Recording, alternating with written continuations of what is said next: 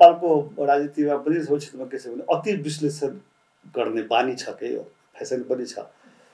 यो स्वार्थ समूह पनि होइन अर्को नयाँ गुट पनि होइन के पनि होइन यो। तर के छ भने म पनि राजनीति आजदेखि गरिरहेको छैन। नेपाली काङ्ग्रेसको दलीय राजनीतिमा सङ्गठनात्मक राजनीतिमा आजदेखि छैन। त्योभन्दा पहिले म नेपाली विद्यार्थी सङ्घमा थिएँ।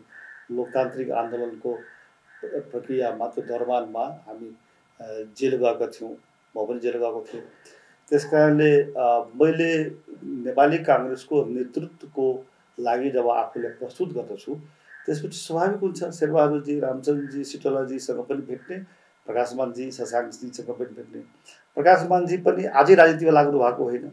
प्रकाशमानजी त अब पूर्व उपसभापति भइसकेको पूर्व महामन्त्री भइसकेको मान्छे हो होइन? अब योभन्दा पहिले पनि भेटघाट गरेकै हो। योभन्दा पहिले प्रकाशमानजी एनसिटी हुँदाखेरि नेपाली काङ्ग्रेस प्रधान देवाजीसँग नै हुनुहुन्थ्यो। त्यस्तै तपाईँको शशाङ्कजी ढिलो आए पनि राजनीतिमा उहाँको प्रवेश जेलीदेखि भए पनि उहाँ त निर्वाचित महामन्त्री हो नि। नवलपरासीबाट तिनबाट तपाईँको संसदमा पनि निर्वाचित सदस्य छ त्यस कारणले म आफूलाई सभापतिको उम्मेदवारको रूपमा प्रस्तुत गरिरहँदा म पहिलो कोसिस गर्छु सर्वसम्मति बन्नको लागि।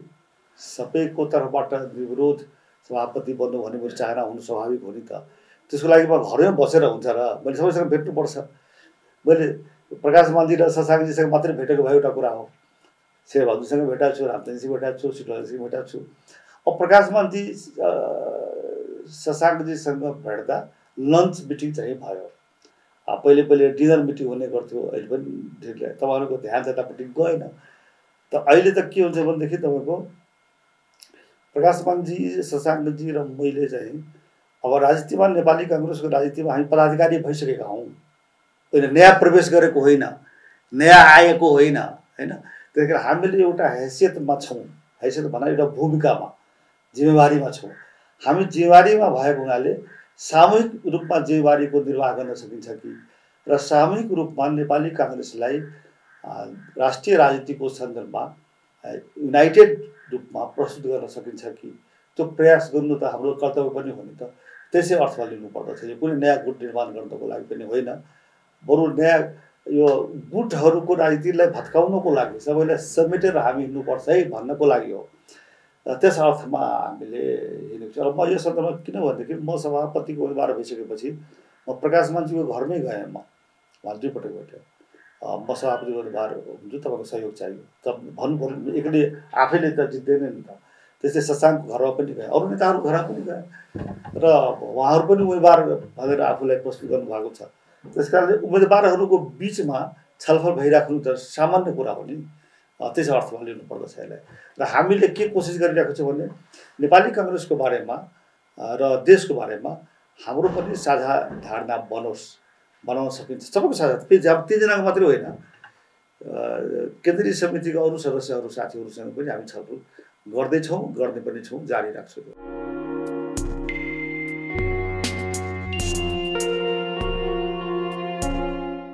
तब म तपाईँको यो प्रश्नको आशयसँग र यो प्रश्नको सिद्धान्तसँग भनौँ म सहमत छैन कि नेपाली काङ्ग्रेसको नेतृत्व हस्तान्तरमा जहिले पनि अप्ठ्यारो हुन्छ रोकिन्छ त्यो होइन।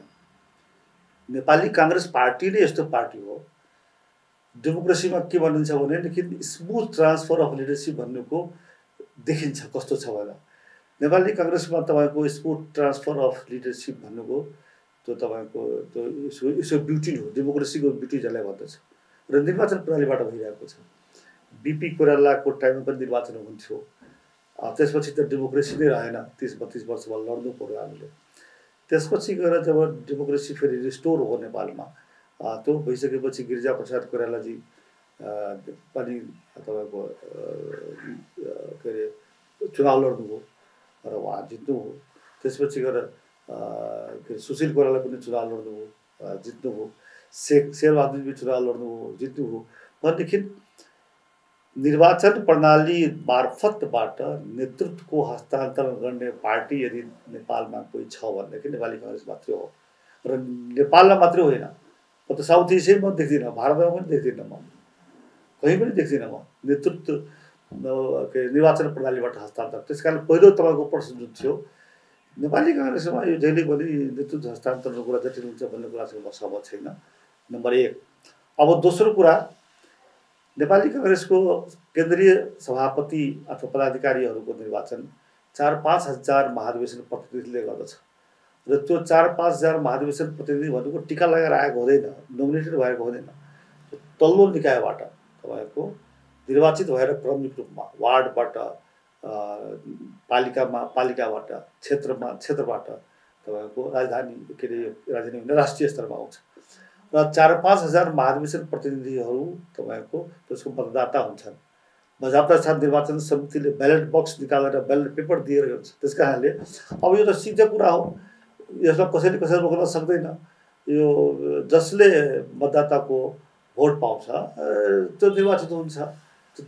फाइनल्ली यो डिपेन्ड गर्छ के भनेदेखि महाधिवेशन प्रतिनिधिहरूमाथि महाजन प्रतिनिधि महाधिवेशन प्रतिनिधिहरूले तपाईँको जसलाई दिन्छ त्यसलाई कसैले रोक्न सक्दैन। अब महाधिवेशन प्रतिनिधिलाई कसरी प्रभावित गर्ने आफ्नो पक्षमा कसरी कन्भिन्स पार्ने त्यो डिपेन्ड्स अन द क्यान्डिडेट क्यान्डिडेटमा निर्भर गर्दछ।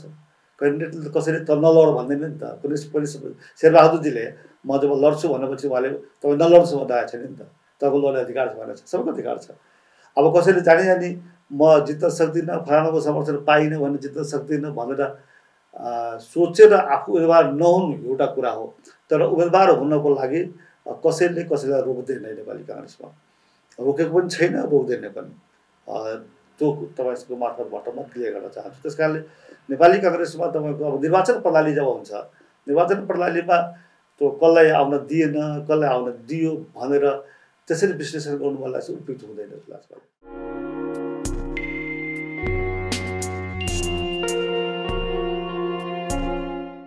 महत्त्वपूर्ण निर्णयहरू म लिन्छु। हचुवा किसिमले र हतारमा लिन्न त्यस कारणले मैले यो जुन सभापतिमा लड्छु भनेको त्यो छोड्नको लागि हुँदैन। म सभापतिमा उम्मेदवारी जुन दिएको छु त्यसको मेरो मेरो मूल उद्देश्य के हो भनेदेखि शेरबहादुरजी रामचन्द्रजी त्यो महाधिवेशनका उम्मेदवारहरूले जति काम गर्नु पर्दथ्यो नेपाली काङ्ग्रेसको लागि देशको लागि त्यो कामहरू उहाँले गरिसक्नु भएको छ। उहाँहरूले अरू पनि काम गर्न बाँकी छ। उहाँहरूको फरक भूमिकामा उहाँहरूले उहाँहरूको सक्रियता हामी अपेक्षा गरेका छौँ।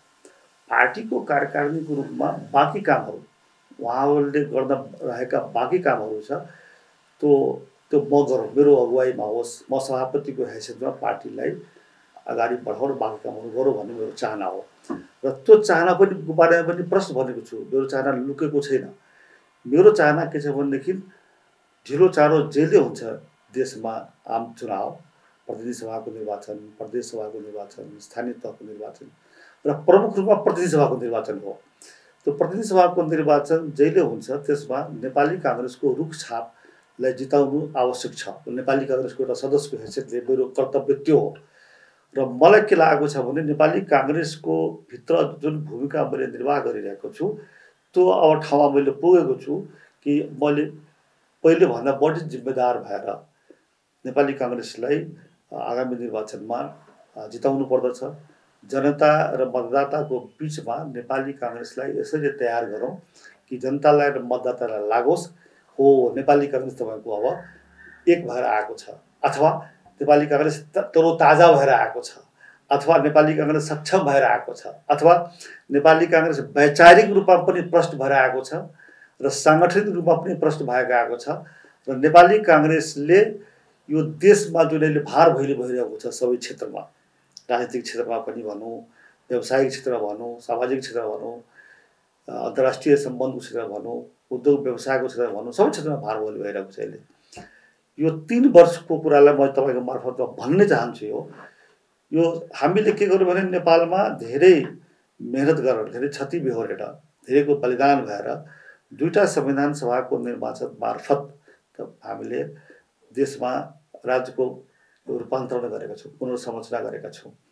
सङ्घीयता गणतन्त्र लोकतन्त्र तपाईँको समावेशिता धर्मनिरपेक्षता विश्व निर्वाचन प्रणाली यो अहिलेको हामीले ल्याएको नयाँ प्रणालीको तपाईँको एउटा प्रमुख तत्त्वहरूको रूपमा रहेछ र हामीले संविधान जारी गरेका छौँ। अब अहिले गएको तिन वर्षदेखि हामी के देख्दैछौँ भनेदेखि सत्ता पक्ष र सरकारको यो प्रणालीप्रति पनि तपाईँको इमान्दारिता छैन संविधानप्रति पनि इमान्दारिता छैन। त्यस कारणले देशमा अहिले कस्तो चाहियो भनेदेखि अहिले हामीले ल्याएको प्रणाली जुन छ लोकतान्त्रिक प्रणाली नै हो मूल भयो। यो लोकतान्त्रिक प्रणाली जुन छ सङ्घीय लोकतान्त्रिक गणतन्त्रात्मक संसदीय प्रणाली त्यसको रक्षा र रक्षा मात्रै होइन त्यसको सफल कार्यान्वयन गर्नु तपाईँको आज सबभन्दा पहिलो जिम्मेवारी हो। कुनै पनि राजनीतिक दलको। अरू राजनीतिक दलले त्यो निर्वाह गर्न सकेन। जनताले मतदाताले जिताएर जसलाई पठाइदियो त्यो तपाईँको प्रयोगशालाबाट देखिसक्यो उनीहरूले तिन वर्षमा गर्न सकेन। त्यस कारणले अब यो जिम्मेवारी हाम्रो हो नेपाली काङ्ग्रेसको हो। त्यस कारण नेपाली काङ्ग्रेसले चौधौँ महाधिवेशनबाट सङ्घीय लोकतान्त्रिक गणतन्त्रात्मक संसदीय प्रणालीको संरक्षण गर्ने त्यसको स्वामित्व लिने र त्यसलाई अझै सम्वर्धन गर्दै गरेर त्यसको सफल कार्यान्वयन गरेर जनता र देशको हितमा तपाईँको त्यसको कार्य सम्पादन गर्ने भन्ने जुन आवश्यकता छ त्यो आवश्यकता पुरा गर्नको लागि म नेपाली कङ्ग्रेसमा सभापतिको उम्मेदवारी आफूलाई पूर्वाधारको रूपमा प्रस्तुत गरेको छु। त्यस कारणले कोही अरू मान्छेलाई छोड्नको लागि कोही अरू मान्छेसँग समझौता गर्नको लागि कोही अरू मान्छेसँग कुरा गरेर तपाईँले भने स्वार्थ छ ऊ के छ ऊ केही पनि होइन। मेरो एक मात्रै उद्देश्य त्यही हो त्यसैको लागि मेरो उम्मेदवारी छ र कायम रहन्छ।